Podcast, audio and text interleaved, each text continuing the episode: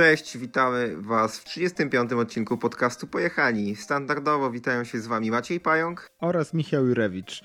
Jest to odcinek 35, podejście drugie, dlatego taka długa przerwa pomiędzy naszymi ostatnimi odcinkami, bo się to dość niefortunnie złożyło, że najpierw ja zlagowałem ze składaniem, a jak już siadłem do tego składania, to się okazało, że pająk nagrywał z jakiegoś akwarium. Tak, ewidentnie z moją ścieżką coś się tam stało i musieliśmy tutaj podjąć kolejną próbę nagrywania. E, na nieszczęście niestety się tutaj jedna z rekomendacji przeterminowała ale wrzucaliśmy informacje o Trade Building School online gdzieś tam na Facebooka, więc myślę, że kto nas śledzi, to tak czy siak sobie tam e, znalazł tą informację.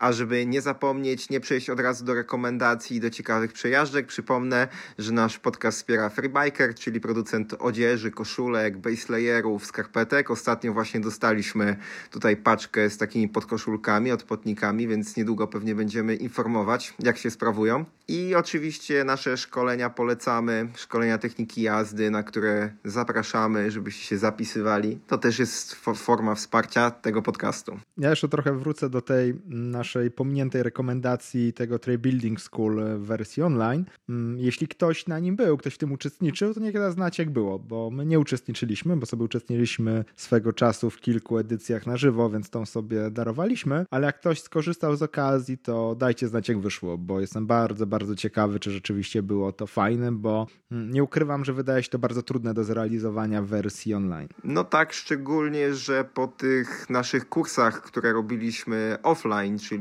w realnym świecie, to zawsze była taka konstatacja, że w sytuacji, kiedy mówili o pewnych rzeczach, no to one wydawały się w jakiś tam sposób, no możliwe do zrealizowania, e, takie no logiczne, ale jak się szło w teren, to nagle to, co mówili przed chwilą, wyglądało zupełnie inaczej już w świecie realnym więc tym bardziej jestem ciekawy, czy to szkolenie online będzie po prostu zupełnie inaczej przygotowane właśnie z takiego powodu. Szczególnie, że pamiętasz, jak uczestniczyliśmy w tych Tree Building School właśnie na żywo, to jedna edycja była taka na żywo, ale bez tej praktyki bardzo rozbudowanej, że było tylko takie gadanie i pokazówka w lesie bez wbijania łopaty w teren, tam w Czechach, w Trutnowie. I szczerze mówiąc, było to dużo, dużo gorsze niż e, wersja standardowa, gdzie był jakiś kawałek stricte wykonany.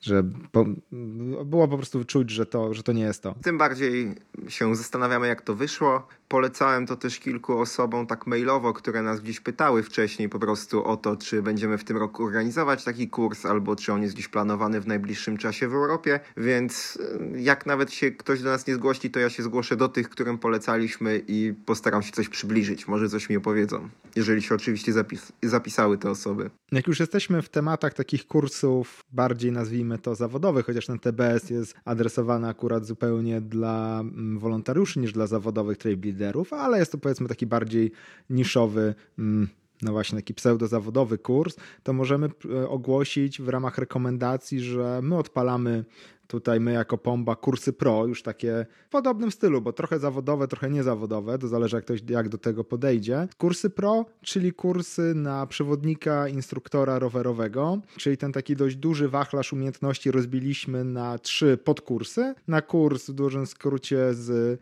planowania i oprowadzania wycieczek, uczenia techniki jazdy oraz mechanikowania. No bo właśnie te trzy takie zbiory umiejętności według nas razem e, no, składają się w takiego kompletnego instruktora przewodnika rowerowego i po ukończeniu tych trzech kursów będzie można uzyskać pombowy certyfikat instruktora przewodnika oraz docelowo uczestniczyć w europejskim egzaminie na e, certyfikat, licencję europejskiego przewodnika instruktora rowerowego. I od teraz, właśnie, no właśnie można powiedzieć, od teraz, bo tak naprawdę od wczoraj, przedwczoraj na naszej stronie internetowej można się już zapisywać na pierwszy z tych trzech kursów, czyli z planowania i przeprowadzania wycieczek rowerowych, na co jak najbardziej zachęcamy i to właśnie te osoby, które myślą, żeby zostać przewodnikiem, instruktorem rowerowym, ale nie tylko. Jak ktoś chce lepiej planować wycieczki po prostu sobie czy dla własnych znajomych, lepiej jeździć w nowym terenie znajdywać lepsze trasy, to jest tak najbardziej kurs, kurs dla niego, bo będzie tutaj sporo właśnie o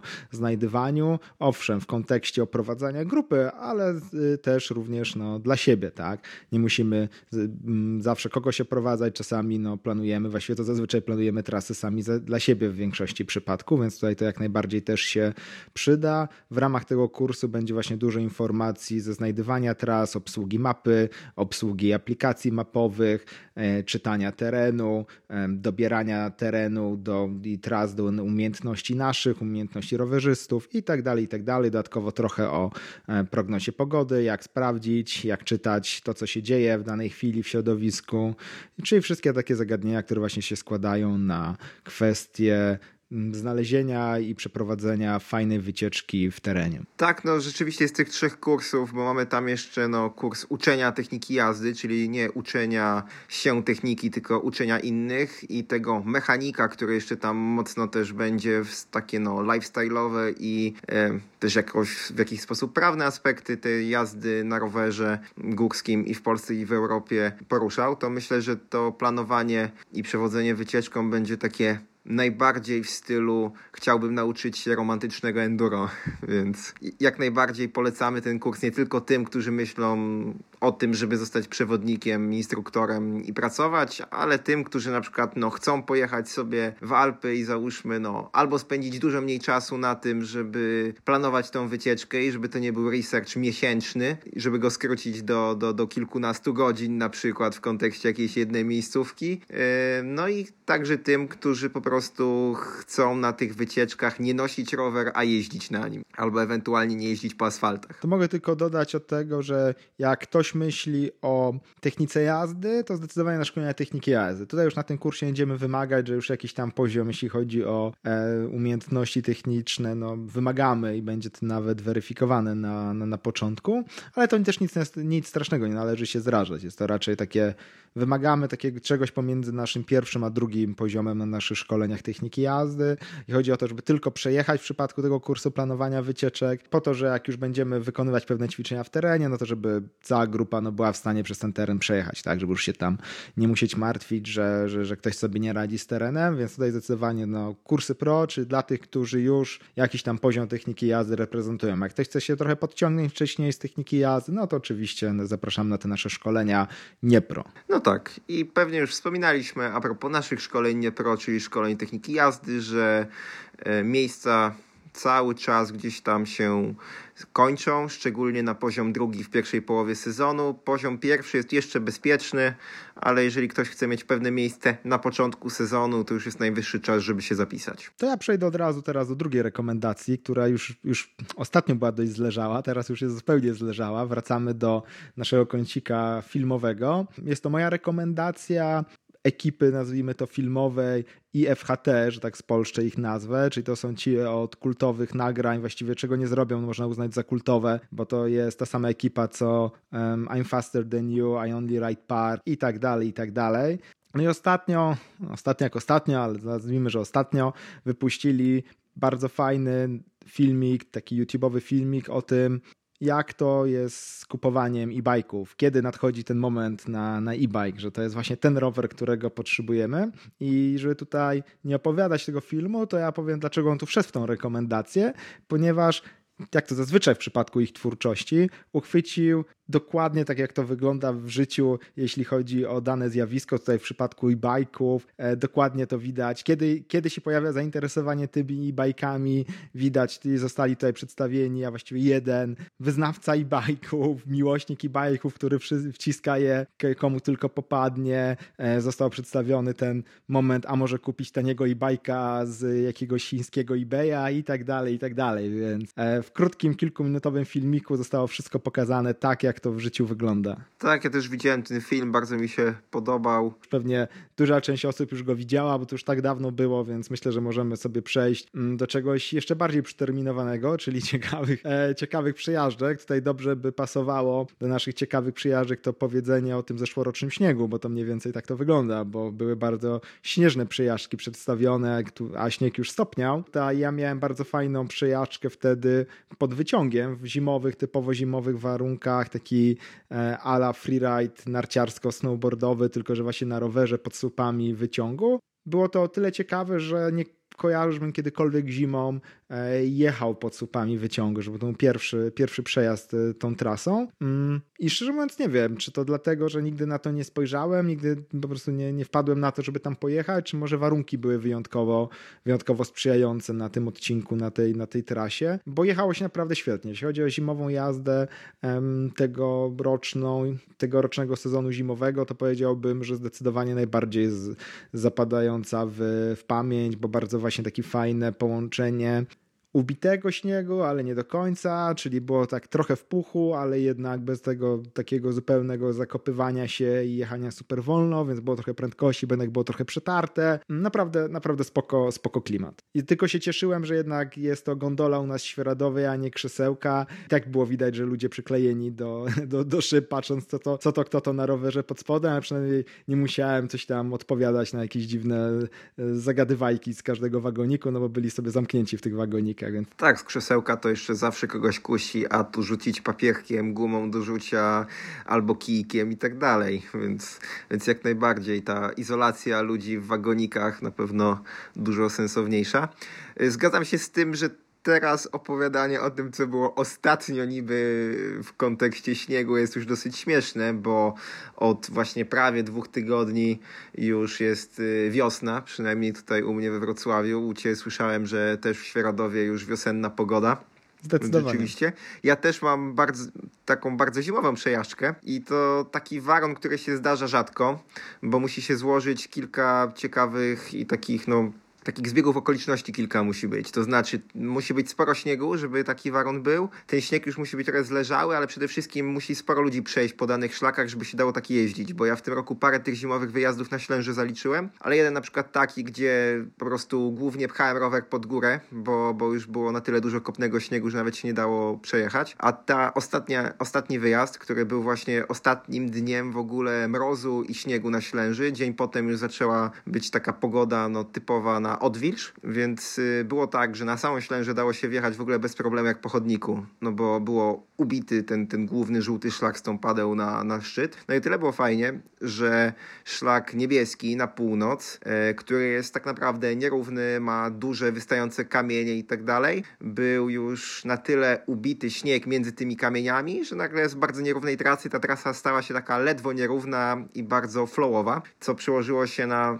całkiem szybką jazdę i przede wszystkim dużo możliwości nawet powyskakiwania z jakichś lekko wystających kamieni i bardzo gładkich lądowań, czego tam w zasadzie na tym niebieskim szlaku no ciężko doświadczyć tak jadąc y, w sezonie, gdzie te kamienie mocno wystają. Bardzo było spoko, na całe nieszczęście oczywiście złapałem gdzieś tam gumę, ale udało mi się jakoś dojechać do samochodu bez zmiany tam dętki w środku, bo próbowałem nawet ściągnąć oponę, gdzieś tam zrzucić ją z rantu obręczy, ale przy temperaturze tam około minus 5-10 to ta opona była tak sztywna, że po jakichś 5 minutach zaprzestałem w ogóle jakichkolwiek działań. Nie, to zdecydowanie nie ma sensu. Ale z tego co mówisz, to rozumiem, że był wygładzony, ale jednak nadal ciekawy. Tak, tak, bo on nie był aż tak wygładzony, żeby było wszystko idealnie pod śniegiem. E, on był tyle też ciekawy, że ludzie wydeptali taką wąskie, wąską ścieżkę, wąskie korytko, takie na nie wiem, 30-50 centymetrów. Wiadomo, że miejscami może ciut szerzej, a miejscami ciut wężej, więc było i kręto i te nierówności i tak jakieś tam były, po prostu były dużo mniejsze, więc to był taki fajny kompromis moim zdaniem pomiędzy czymś nierównym, a też czymś po prostu innym, inny charakter trasy, dokładnie w tym miejscu, na na którym spodziewasz się zupełnie czegoś innego. To spoko, bo takie najbardziej popularne szlaki, jak tutaj jedynka w Świeradowy, czyli czerwony ze Stogu Izerskiego, no to robi się taką autostradą, że właściwie pomimo, że jedzie się nim spoko, w sensie, że no, warunki do samej jazdy są ok, to jest po prostu nudny, e, więc no, paradoksalnie bardzo rzadko nim jeździłem w tym, w tym sezonie zimowym, głównie dlatego, że nie, nie było fanu i się szukało czegoś alternatywnego, ciekawszego, no ale to, to, to spoko. Ten też niebieski jest po prostu kręty, no bo też jakby klęską jedynki jest to, że jak się wygładzi, no to jest po prostu strzałem prosto z góry na dół i się już zupełnie nic, e, nic na nim nie, nic na nim nie dzieje, ale to, to fajnie, że ten niebieski taki był właśnie w porze, bo to trochę niebieski ze smreka szlaka tutaj w świeradowskich klimatach jest takim odpowiednikiem, że nawet jak się wygładzi zimą, to i tak jest mega, dalej mega spoko interesujący. To mam wrażenie, że ten niebieski ze Ślęży jest jeszcze bardziej kręty niż ten ze Smreka, bo ten ze Smreka tak mi się kojarzy raczej na taki i tak bardziej prosty niż kręty. Ale on jest na tyle wertepiasty, że on się nigdy nie wygładza, tak, tak wiesz, zupełnie na, na autostradę. Tutaj na Ślęży kluczem chyba jest to jednak, że niebieski szlak nie jest najbardziej uczęszczanym szlakiem, bo większość osób wchodzi albo od tą padeł, albo od Sobótki szlakiem czerwonym, więc to są dwa takie, dwie takie autostrady, jak jedynka, czyli czerwony szlak ze stogu, a ten niebieski jest taki no, mniej uczęszczany, więc, więc też potrzebuje więcej czasu na to, żeby go wydeptać, po prostu musi więcej, musi dłużej tam ludzie muszą chodzić. No ale ponieważ już, tak jak powiedziałeś, wiosna na dobrze tutaj się za, zadomowiła, chociaż trochę w kratę, ale jak to w marcu w garcu, to raczej tak właśnie teraz jest marcowo, tylko że zaczęło się to od połowy lutego, to też była to okazja do tego, że w końcu siadłem nad tym swoim rowerem, tak? Bo po pierwsze po zimie, więc trzeba było go doprowadzić po zimie, poza tym były pewne rzeczy, jak to na przykład jedno rozwalone koło gdzieś tam na początku zimy, które czekało, żeby przyjść zimę je zrobić, no a sobie o nim przypomniałem, jak już śnieg stopniał, więc y, miałem tutaj okazję trochę posiedzieć w warsztacie i podoprowadzać ten rower do jakiegoś stanu takiego przedsezonowego. No i trzeba przyznać, że to taka zima w kratę, że raz plus 5, raz minus 15 dobrze skatowała wszystko w rowerze, że wszelakie właśnie łożyska koła, y, zawieszenia tak dalej, no wszystko do pełnej, do pełnej wymiany u mnie, że tutaj zupełnie, zupełnie zdechło.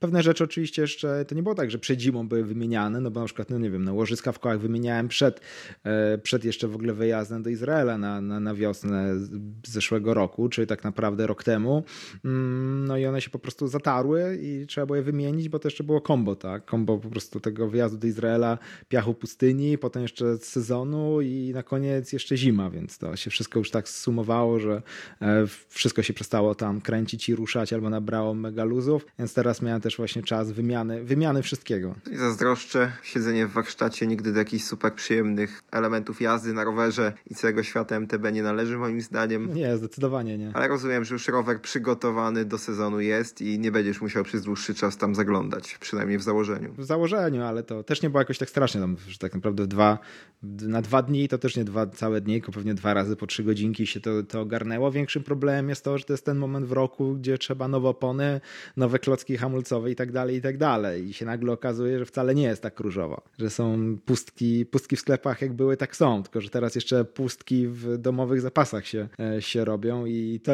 to, to jest tak naprawdę lekki taki problem, na który, na który spoglądam, że łatwo nie jest takimi rzeczami właśnie użytkowymi. No tak, ten sezon jeszcze, no to przy, przy, przyszliśmy w ogóle do kolejnego tematu, którego w ogóle nie mieliśmy zaplanowanego, ale tak, ten sezon nie zapowiada się dobrze, jeśli chodzi o dostępność rowerów.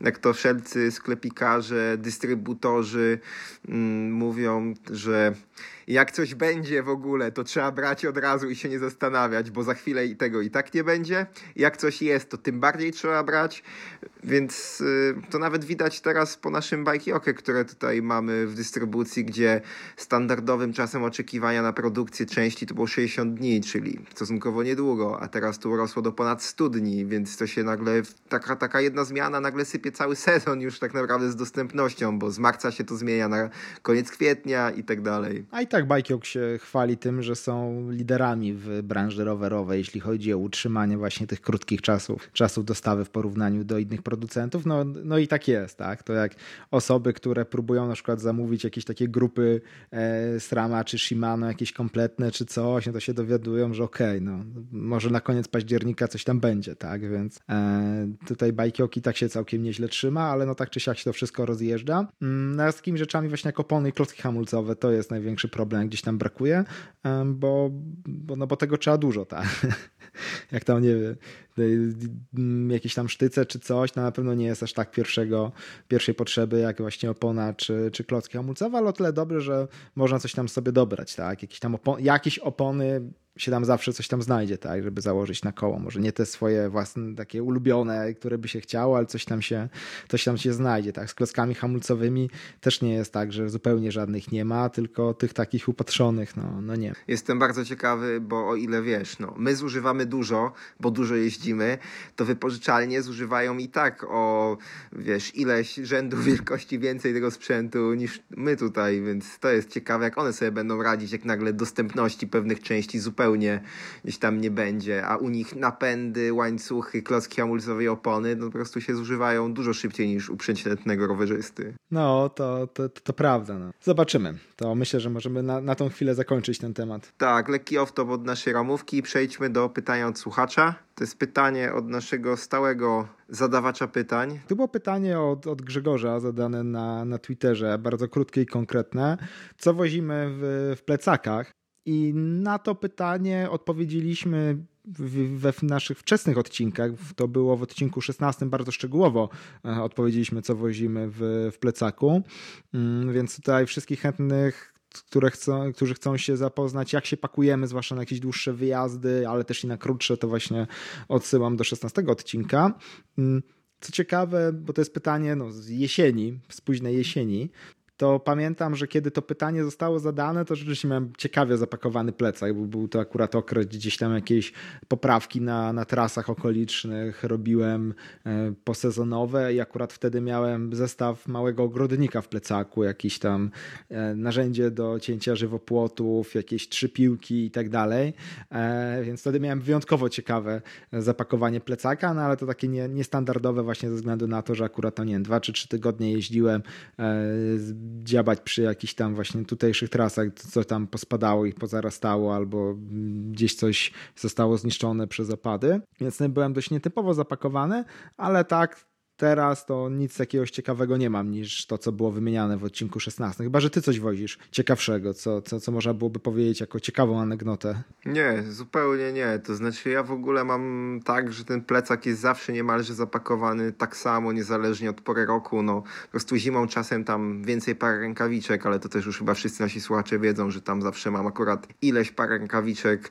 e, co stopień grubości, żeby je często zmieniać, a cała reszta sprzętu się nie zmienia Głównie dlatego, żeby potem jak coś się stanie albo zmieni się pora roku, to żeby nagle nie zapomnieć czegoś włożyć. Czyli jak na początku zawsze mam, jak mam zawsze włożoną pompkę do Amora, pompkę do kół, jakieś narzędzia, jakieś łatki, jakieś tam łyżkę do opon jedną, bułkłak i tak dalej, to apteczkę, to zawsze jest dokładnie to samo i się tam nie przejmuję tą zawartością.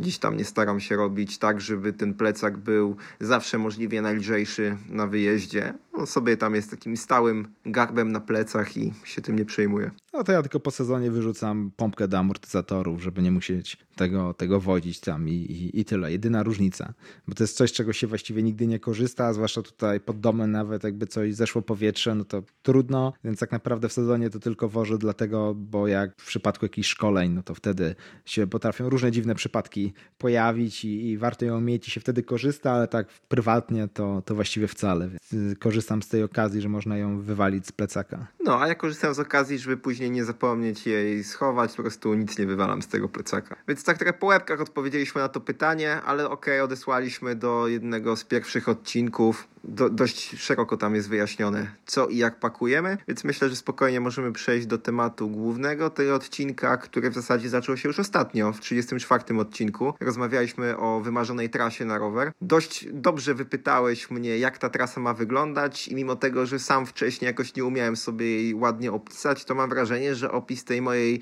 wymarzonej trasy całkiem nieźle wyszedł i by był nawet zgodny z, z wycieczką, która mi się, która jest tam gdzieś określona przeze mnie top tam trzy moich wycieczek. No i przejdziemy teraz do kolejnego tematu, wymarzonego roweru. Wyjątkowo sprzętowo.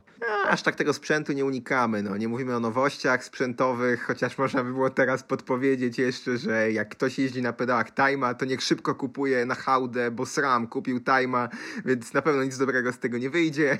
Ty, no właśnie, to był dobry news odcinka, rekomendacja, że trzeba na hałdę Tajmy te specjale ósemki i dwunastki, jak jeszcze coś w ogóle jest w sklepach. No to trzeba tutaj, no to już jest, dorzuciliśmy, no. Może przy temacie, wiesz, wymarzonego roweru, czyli jak waszymi wymarzonymi pedałami są tajmy obecne, właśnie te ósemki albo dwunastki specjale, no to to jest dobry moment, żeby jeszcze się tam wyposażyć w jakieś jedną, dwie pary tak na, na kolejny tam sezon dwa. Bo myślę, że jest maksymalnie jeden sezon teraz czasu, do kiedy one gdzieś się schrzanią i będą zupełnie do niczego, tak jak to już bywało z firmami, które zostały wykupione przez, przez Strama. Mm no to to jest, to jest dobry news, to jest przydatna, przydatna wiedza. Ale wracając tutaj do um, tematu odcinka, czyli wymarzonego roweru, no to już wiemy, że w, zarówno u ciebie i u mnie będą to pedały Time'a, przynajmniej u mnie, to bym to wcale nie, wcale bym tego nie, nie, nie zmieniał, tylko właśnie teraz będzie to Time'a przed tym, kiedy został wykupiony przez, przez Trama, więc to już jest pewna, pewna gwiazdka. Jeśli chodzi o ten wymarzony rower, to nawet jak sam wymyśliłem ten temat, żeby go, żeby go wrzucić i o tym porozmawiać, to się tak, trochę tak zacząłem zastanawiać. Że szczerze mówiąc, nie mam jakiegoś takiego punktu w rowerze, że nie wiem, że chciałbym, żeby koniecznie był inny. Ogólnie jestem zadowolony z tego, z tego sprzętu, który mam. Wiadomo, że mogły być tam pewne rzeczy lepsze i tak dalej. Ale jak się zacząłem nad tym zastanawiać i tutaj szczególik, tam szczególik, to tak naprawdę ten rower w wyobrażeniach wyszedł zupełnie inny niż, niż, niż jest w rzeczywistości. I jedną rzecz, którą tak najbardziej bym chciał, to szczególnie ostatnio, nawet y, teraz jeżdżę właśnie w tych warunkach bardziej wiosennych, o czym już wspominałem gdzieś tam w poprzednich odcinkach, to najbardziej wymarzona część do roweru to dobrze zintegrowane błotniki do, do tego roweru, przykręcane na śruby, nie zipy, tylko żeby były tak ładnie spasowane, cztery śruby, że można było je sobie przykręcić, odkręcić, jak są niepotrzebne, bez tej całej zipologii, która się gdzieś tam luzuje, no i przede wszystkim tych zipów się zużywa jakieś potem całe wiadra i jest tylko z tym, z tym ten problem, że taki dobry błotnik, właśnie jakiegoś porządnie, porządnie wykonany, z porządnego materiału, przede wszystkim dobrze spasowany na śruby, które jeszcze, żeby nie wypadały jak się je odkręci, żeby tam sobie siedziały w tych gniazdach w błotniku, to byłoby cool, to byłoby coś naprawdę super. Tu się zgadzam, szczególnie, że jak na początku jesieni założyłem błotniki, no to rzeczywiście ich w ogóle po prostu nie ściągałem, głównie po to, żeby potem nie wyrzucać tych zipów, no bo nie da się ich założyć tak, żeby ten zip później ściągnąć, wykorzystać drugi raz, a te zipy się po jakimś jakimś czasie luzują, trochę jakoś rozciągają, no więc co jakiś czas w zasadzie trzeba je zmienić. To tak, to błotniki na śruby takie zintegrowane, które by rzeczywiście możliwie dobrze chroniły, a nie latały, no to, to byłoby naprawdę spoko. Rzeczywiście już sama, samo ten Matt Hager, o którym już tutaj nieraz wspominaliśmy, i tak już całkiem dobrze ogarnął temat, no, że, że już cokolwiek jest sensownego, chociaż pod nasze trasty zupełnie ten Matt Hager tam no, nie działa, czyli ten do, do przedniego e, widelca do widelca, do przedniego amortyzatora taki błotnik, który jest zaprojektowany do typowego, zwykłego amortyzatora przedniego. No on w tych naszych pantografach no, jest na tyle wysoko, że nie chroni tak, jakby mógł chronić przy zwykłym widelcu. Tak, z przedłużką i poszerzeniem jest już w miarę okej, okay. że nie nazwał tego, że zupełnie nie działa, no ale firmowo, firmowo no jest, jest, jest słabo. Tam coś kręcisz nosem, to nie, to u mnie tam od kolan w górę jest ok. Nie, nie jestem w ogóle jakiś uwalony czy coś. To u mnie tam się to dobrze spisuje. Ale jakby mogło być nie od kolan, od kostek w górę byłoby jeszcze lepiej. No, no, oczywiście, że tak. To się zgadza. Chociaż i tak uważam, że byłoby ok. Jak byłby dobrze jeszcze, byłby jeszcze szerszy, jeszcze dłuższy i dobrze przykręcany na śruby, już byłoby cool. Też mówiąc, tej, z tego byłbym zadowolony, ale zwłaszcza tylny, jak byłby przykręcany, to byłoby mega. Więc pierwszy punktem wymarzonego roweru to jest właśnie dobrobutnikowanie, takie, które można byłoby szybko przykręcić, odkręcić. Kolejną rzeczą, jaką zacząłem się zastanawiać w rowerze, to jest kwestia amortyzacji, z której szczerze mówiąc jestem zadowolony, którą, którą mam, czyli z przodu pantografowy Trust, który teraz już jest dość hipsterski przez to, że nie można go, nie można go kupić. Z tyłu po prostu zwykły, e, ten, zwykły jednozawias z wysokim punktem obrotu i, i tłumik fast i naprawdę jest to, jest to spoko. Ale zacząłem się zastanawiać, bo mając tutaj porównanie do widelca pantografowego Motiona, tak, który był zrobiony zupełnie inaczej niż Trust, jeśli chodzi o rozwiązania techniczne. Mówię, że koncepcja pantografu była no tu i tu pantograf, tylko po prostu trochę inaczej jest konstruowany. I zacząłem zastanawiać, która opcja mi pasuje, czy taka pantograf bardziej zbliżony do pracy teleskopowego amortyzatora, czy taki zupełnie odjechany jak, jak, jak, jak faz, gdzie ta krzywa poruszania się osi przedniego koła jest no, krzywą, a nie, a nie prostym odcinkiem. Zacząłem się zastanawiać, która mi bardziej pasowała i stwierdziłem, że chętnie bym przeeksperymentował coś takiego pomiędzy, żeby jednak była ta stabilność zdecydowanie bardziej jak, e, jak w przypadku Trasta, ale może trochę bardziej kanapowo, trochę w kierunku Motiona i ta opcja bez sprężyny powietrznej z tym, z tym resorem karbonowym z włókna węglowego była spoko. To oprócz tego, że wykonanie w Motionie nie było jakieś czaderskie, to jakby zastosować takie precyzje wykonania i tolerancję Strastal w tym resorze, to byłoby spoko uważam, że to było fajne. Wiesz, tutaj szybko regulujesz sak imbusem, bez żadnej pompki, e, nie, nie ma co się rozszczelnić, nie ma co serwisować, to byłoby naprawdę, naprawdę spoko. Więc to bym sobie coś takiego chętnie jednak zobaczył w tym kierunku. No i pomyślałem, ok, jak z przodu, to też z tyłu, tak? Jakby tylne zawieszenie było na przykład takie ze zintegrowanym tym resorem, zamiast z, zwykłej tam sprężyny e, w przy damperze, to też byłoby mega spoko. To rzeczywiście niezłe, bo to tak naprawdę już mogłaby być część ramy, ten, ten resor piórowy na przykład z tyłu. Dokładnie. Też tak samo jak y, w Motionie regulowany śrubą i to było bardzo wygodne. Raz się regulowało, nic nie pompowało, nic nie schodziło po jakimś czasie to było niezłe, a w zasadzie tylko mógłby być tłumik, tak, jakby zewnętrzny. Nawet taki sam, tak? Mógłbyś montować taki po prostu jak od sprężynowego dampera, tylko bez sprężyny, tak? Tak, tak, tak, ale, ale on już by po prostu nie miał tego medium ściskanego, ani sprężyny powietrznej, ani zwykłej, zwijanej. No, to by było całkiem spoko, rzeczywiście. O, to ten pomysł mi się spodobał. Ostatnio przy 35 odcinku chyba nie mówiliśmy o tym, e, przy tej pierwszej próbie nagrywania, ale chyba nie w kontekście tylnego zawieszenia. Przynajmniej kojarzę, że, że to mówiliśmy w kontekście jakby tak trasta zrobić z tą sprężyną piórową, z tym piórem karbonowym byłoby spoko, ale nie, nie przełożyłeś tego do tyłu. To z tym tyłem mi się podoba. Kolejną rzeczą, to by się zastanawiałem, ile tej elektroniki w rowerze, tak? Bo zdecydowanie bez silnika, bo to już nieraz mówiłem, że elektryki uważam, że spoko, ale preferuję bez wspomagania elektrycznego przy obecnym rozwoju tej technologii, to się zacząłem zastanawiać, co z, no, ze sterowaniem biegami, tak? No bo skrzynia biegów jest mega spoko, jakby miała tam jeden bieg więcej, więcej zakresu byłoby jeszcze bardziej spoko, ale to tam tak naprawdę nieistotne detale. Zacząłem się zastanawiać nad manetką, czy mechaniczna, czy, czy elektroniczna i ta elektroniczna oczywiście, no to ma dużą wadę pod tytułem, że trzeba to ładować, tak? Ale z drugiej strony, jak sobie, by, jak sobie pomyślałem, że za pomocą tej elektroniki można byłoby rozwiązać ten problem skoku tej manetki, czy na przykład ta manetka mogłaby mieć bardzo mały skok, a jednocześnie zmieniać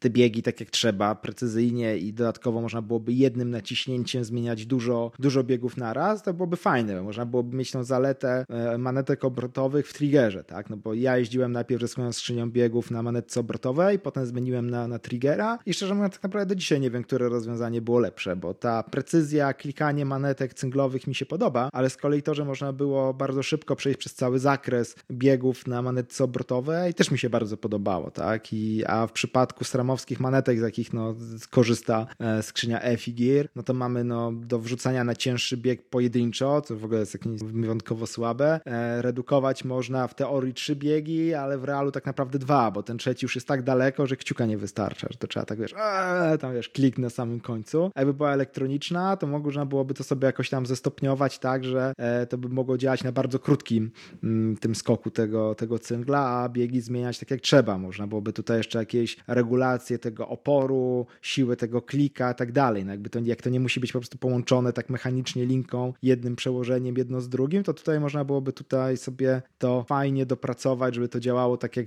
tak jak powinno. Ergonomicznie, wyczuwalnie. Ale tutaj dodatkowa jeszcze zaleta by do tego weszła, no bo w kawalerii no, ta skrzynia jakby właśnie ma chyba tylko i wyłącznie jeden punkt, który, czy jeden element, który wychodzi ze skrzyni i przez który może gdzieś tam się jakiś wyciek pojawić, to znaczy pewnie może jeszcze przez inne miejsca, przez całą tam puszkę, gdzieś tam przez korbę czy coś w tym stylu, ale ten pancerz właśnie wchodzący od, od, od, zmian, od, od linki, no jakby zmiany biegów, e, z tego co kojarzy u ciebie czasem ma taką tendencję do tego, żeby gdzieś tam ten olej przekładniowy wypuścić jakąś kroplę. Szczególnie jak gdzieś jakiś badyl wejdzie pod ten pancerz, gdzieś go wyszarpie i, i tak dalej. No, no coś, co wystaje i jest podatne na jakieś przyhaczenia, zahaczenia. Gdyby tego nie było, wszystko było zintegrowane. Pytanie, czy bezprzewodowe, czy przewodowe? Zdecydowanie przewodowe.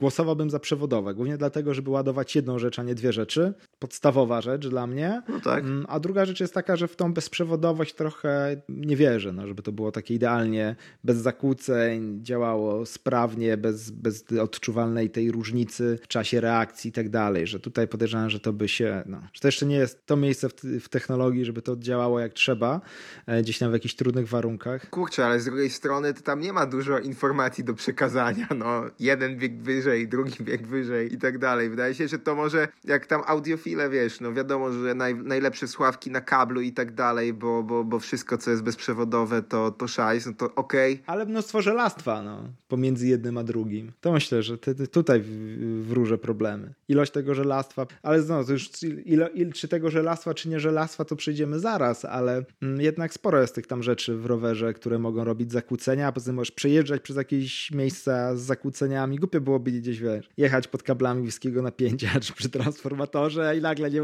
nagle nie móc wyjść biegu, czy coś, więc może, może trochę przesada, czy nie, ale już sam ten powód, że trzeba było ładować, wiesz, dwie części, dwie rzeczy w rowerze, to, to, to dla mnie uważam, że to już jest za wystarczający powód, żeby to był jednak połączenie kablowe, ale fajnie zintegrowane, tak? Bo jakby to miało wisieć, jakiś taki kabel, lecieć, jak to często jest teraz o kablowaniu jakichś elektryków czy coś, no to, no, to, to byłoby mega słabo. A jeśli to byłoby fajnie zintegrowane przy kierownicy, w ramie, w ogóle na przykład w ogóle nie wystające, na przykład w ogóle wiązki zatopione w ramie, e, tylko jakieś po, połączenia na śruby jednego z drugim, mm, to, było, mogło, to mogło być naprawdę spoko zrobione, tak? To nie chodzi o to, żeby ten kabel sobie gdzieś tam leciał, jeszcze go przekładać czy coś, tylko żeby to było dobrze zintegrowane, ale jednak połączone z jakimś jednym portem do ładowania i, i, i git. No, to, to, to spoko. Z tą elektroniką to ja też mam jakiś pomysł, co bym tam sobie wrzucił do roweru, ale to, to chyba zaraz, tak? Bo jeszcze coś tam masz kolejne pomysły na swój wymarzony rower. Szczerze to już mi się kończą, bo cała reszta uważam, że jest naprawdę spoko, tylko materiał. Jak już wszystko jest, to mogłoby być po prostu lżejsze, a jeśli lżejsze, to można było zaszaleć z jakimś fajnym materiałem o fajnej nazwie i carbotenium to jest bardzo fajny materiał, czyli e, kompozyt włókna węglowego i, i tytanu, tak? Bez, tak tutaj, jeśli mówimy o high-endowych materiałach wykorzystywanych w rowerach, no to jest często dylemat, czy tytan, czy włókno węglowe, e, a można mieć połączenie jednego z drugim. E, które się wydaje wyjątkowo ciekawe, czytając opis tego materiału. Mm, jest to materiał wykorzystywany w sportowych furach Pagani, tak się nazywa ta firma od Zondy? Chyba tak. Oni właśnie opracowali, ich właściwie firma córka, firma matka, Dena Design właśnie opatentowała e, Carboteniu, czyli ten taki kompozyt wafel węglowo-tytanowy, który łączy zalety jednego, jednego i drugiego. Wydaje się, że to spoko. Jest jedna firma, która robi z tego rowery, ale tylko szosowe górskich no nigdzie nie spotkałem, żeby ktoś, ktoś z tego robił, a szosówki no, robią tuż obok, w garażu obok, gdzie, gdzie te fury, z tej samej gdzieś tam miejscowości jest po prostu firma rowerowa, która korzysta z tej technologii. Wygląda to ciekawie, chętnie bym sobie, chętnie bym sobie spróbował czegoś takiego w rowerze, wszystko zrobił z tego, gdzie to się nadaje, żeby zrzucić właśnie z, z masy, no bo rower może być tak samo wytrzymały, a, a lżejszy, to, to lepszy. A dlaczego nie aluminium? Bo mm, oprócz tego, że jest cięższe, to też jest kwestia taka, że przy obciążeniach i dystansach, jakie, jakie robię, to to aluminium dość szybko ulega takiemu zmęczeniu e, przez, przez obciążenie, bo gdzieś tam bardzo szybko zaczyna coś tam skrzypieć, coś no, zmęczy się materiał, a no, doświadczenia mam takie, że z tymi plastikowymi rowerami z karbonu e, no, lepiej wytrzymują próbę czasu. Tak? Jak się dużo jeździło, to te karbonowe e, zdecydowanie później zaczynały gdzieś tam jakieś dziwne odgłosy wydawać i tak dalej, a aluminium dość szybko potrafi się spracować. No okej. Okay. To przechodząc do tematów tych moich, to ja w zasadzie bardziej nawet nie co bym chciał, tylko takie rozwiązania. Pierwsze rozwiązanie to takie, żeby to, jak wyglądają kierownice rowerów szosowych i chodzi mi tutaj szczególnie o to, że po prostu no, już nie wystają nigdy te przewody, pancerze i tak dalej z tej kierownicy, z łap i tak dalej, no to żeby coś takiego przyczepić do roweru górskiego. I to kiedyś Magura nawet kombinowała z hamulcami, żeby e, przewody hamulcowe w ogóle wchodziły idealnie do, do kierownicy. I żeby podobną integrację właśnie zrobić też albo właśnie elektryczną przy manetkach, albo żeby było coś sensownego bezprzewodowego, czyli po prostu prostu tak, żeby finalnie pancerze i kable zniknęły tutaj z okolic główki, ramy i kierownicy. Tam z tyłu co jest, to mnie to w ogóle tam nie grzeje, nie ziębi, ale że ten kokpit był taki czysty i miał, miał zupełnie zero tych wychodzących przewodów i kabli, to by było bardzo fajna rzecz. I to w zasadzie nie dlatego, że ja gdzieś tam zahaczam co jakiś czas tymi przewodami i one je wyrywam, bo chyba nie miałem nawet takiej sytuacji, żeby, żeby rzeczywiście mnie to gdzieś tam unieszkodliwiło mój rower i, i, i zupełnie wycięło z jazdy. Raz miałeś, nawet z moim hamulcem. Że co? No moją tą Luiskę FR w Mieroszowie kiedyś wyrwałeś przed nią. To nie pamiętam, no okej. Okay. To, to okej, okay. to była taka jedna sytuacja, to tym bardziej. Zupełnie nie pamiętam, ale to w Mieroszowie to było ponad 10 lat temu, więc, więc mogę nie pamiętać. Daję sobie tutaj rozgrzeszenie. E, więc tak z wizualnego punktu widzenia byłoby spoko, żeby nic tam po prostu nie wystawało. I kolejna rzecz, która by mi się podobała, no to na przykład jakby w ogóle już nie trzeba było ustawiać zawieszenia i żeby to robiła jakaś elektronika za nas, ale na przykład i jest mi to zupełnie gancygal, czy ona by tam była jak w samochodach na zasadzie e, próbkowanie tam co 8 milisekund i ustawienie tej amortyzacji do terenu, po którym jadę, czy ona by po prostu raz dobrze ustawiła na przykład na jednej jeździe rower, potem bym, nie wiem, jakiś ściągnął te elektroniczne elementy z tego roweru i, i później zapomniał o temacie, ale żebym w ogóle nie musiał się dotykać ustawienia zawieszenia, bo strasznie nie lubię takich rzeczy robić, no to, to wolę regulować przerzutkę niż, niż ustawiać zawieszenie. Więc... Zupełnie dwa różnie złożone tematy, tak? Jedno badalnie proste, drugie na maksa skomplikowane. To dość nieuczciwe porównanie okej, okay, no nieuczciwe, ale w dużym skrócie po prostu wolę inne rzeczy robić, ale tego z, z zawieszenia nie lubię ustawiać, więc to by była kolejna rzecz. Chociaż tu jak ostatnio już gadaliśmy, to od razu powiem, że rzeczywiście no jakby trzymanie tej elektroniki w rowerze w zawieszeniu, tak? No raczej by... Ale ta opcja, o której powiedziałeś, że, że, że masz taki moduł, przykręcasz, jedziesz, jedziesz, tam nie wiem, przez tydzień jeździsz, on ci ustawia, to ustawia, potem demontujesz, wydaje się spoko. Zresztą no, są takie rozwiązania, tak? Jak te wszystkie SUSWizy, inne jakieś... Shockwiz, Shockwiz, SUS My Bike i tak dalej. Dokładnie. Są takie rozwiązania, które idą w tę stronę, chociaż one są przez to, że to nie jest no, tego producenta czy amortyzacja, więc to musi pasować do wszystkiego, jak pasuje do wszystkiego, to tak naprawdę do niczego i tak dalej, i tak dalej, że to robi sporo, sporo komplikacji, ale jakby było coś takiego od producenta, taki moduł ustawialny, to byłoby spoko, szczególnie, że można byłoby coś dla takich, wiadomo, że my byśmy to kupili i mieli, tak, ale dla takich bardziej zwykłych osób to mogłoby być coś takiego, co sklep jako usługę daje, czy, czy po prostu dodatkowa usługa. Wypożycza, tak? No, bo ja to w ogóle, wiesz, zakładałem, że nie, że to tak jak te Shockwiz, Shockwiz czy ten Sus My Bike, zakładasz, a potem kręcisz, tylko no nie wiem, jak masz tam jakiś taki pan, panel sterowania, to tak wiesz, no, nakładasz na ten panel sterowania i on sobie tam dostosowuje to, no. Owszem, na przykład wożysz nawet kilogram przez, przez tam jakiś, wiesz, no, jakiś czas, ale, ale potem już się tym nie zajmujesz i, i że to robi to za ciebie, to, to by mi się podobało. To byłoby naprawdę, to byłoby naprawdę spoko. Szczególnie jakby to robił ten producent tej amortyzacji, to by wiedział, co to, jak to ma działać, jaki ma to osiągnąć cel i, i tak dalej. No bo szczerze mówiąc, takie zewnętrzne rozwiązania tak trochę mm, nie do końca wierzę. A też nimi jakoś się nie bawiłem, więc to tylko teraz takie wróżenie z fusów, tak? Nie jestem przekonany do tego, co twierdzą. A... Taką połowiczną połowiczną taką możliwość daje nasz fast suspension, nie? No bo te dampery, które my tutaj też sprzedajemy na naszej stronie sklepem mtb.pl, one tak naprawdę nie da się ich przetestować, nie mamy ich do testów, bo ten damper każdy jest dostosowany przez fabrykę do danego użytkownika, do jego stylu jazdy, które opisze, ale przede wszystkim też do ramy, do której chce to wsadzić. Więc oni tutaj je w jakiś tam sposób e, dostosowują. E, oczywiście są też wypuszczone na zewnątrz regulacje, ale one tam bardziej takie no, w kontekście dostosowania to pod, nie wiem, tam temperaturę zewnętrzną, w której zaczynamy jeździć, do dostosowania po prostu taką, takiego delikatnego, no, więc tutaj, więc tutaj no, niektóre rzeczy można można gdzieś tam już sobie coś takiego kupić, tak? Co już będzie dla ciebie spasowane w jakiś sposób. No tak, ale jest to trochę jak wizyta u lekarza przez telefon. Tak? Jest, to, jest to zawsze lepsze, lepszy rys niż nic, ale jednak co, co na miejscu, to na miejscu, więc pewnych rzeczy nie da rady zrobić tam no, pisząc, pisząc maila. Mm, więc ta opcja z takim modułem do ustawiania jest spoko. Jeszcze trochę wracając do tych kabli w kokpicie, to też bym się chętnie ich tam sterczących pozbył, ale raczej nie takim zintegrowaniem z kierownicą, takim pełnym, bo to uważam, że to byłoby więcej komplikacji niż to jest warte, ale jakby te kable z tych wszystkich manetek i tych i, i klamek wychodziły tak w stronę kierownicy je upchać pod jakąś owiką ala szosa, czy wiesz, w jakieś takie zagłębienie, na przykład kierownica mogłaby mieć jakieś wyżłobienie.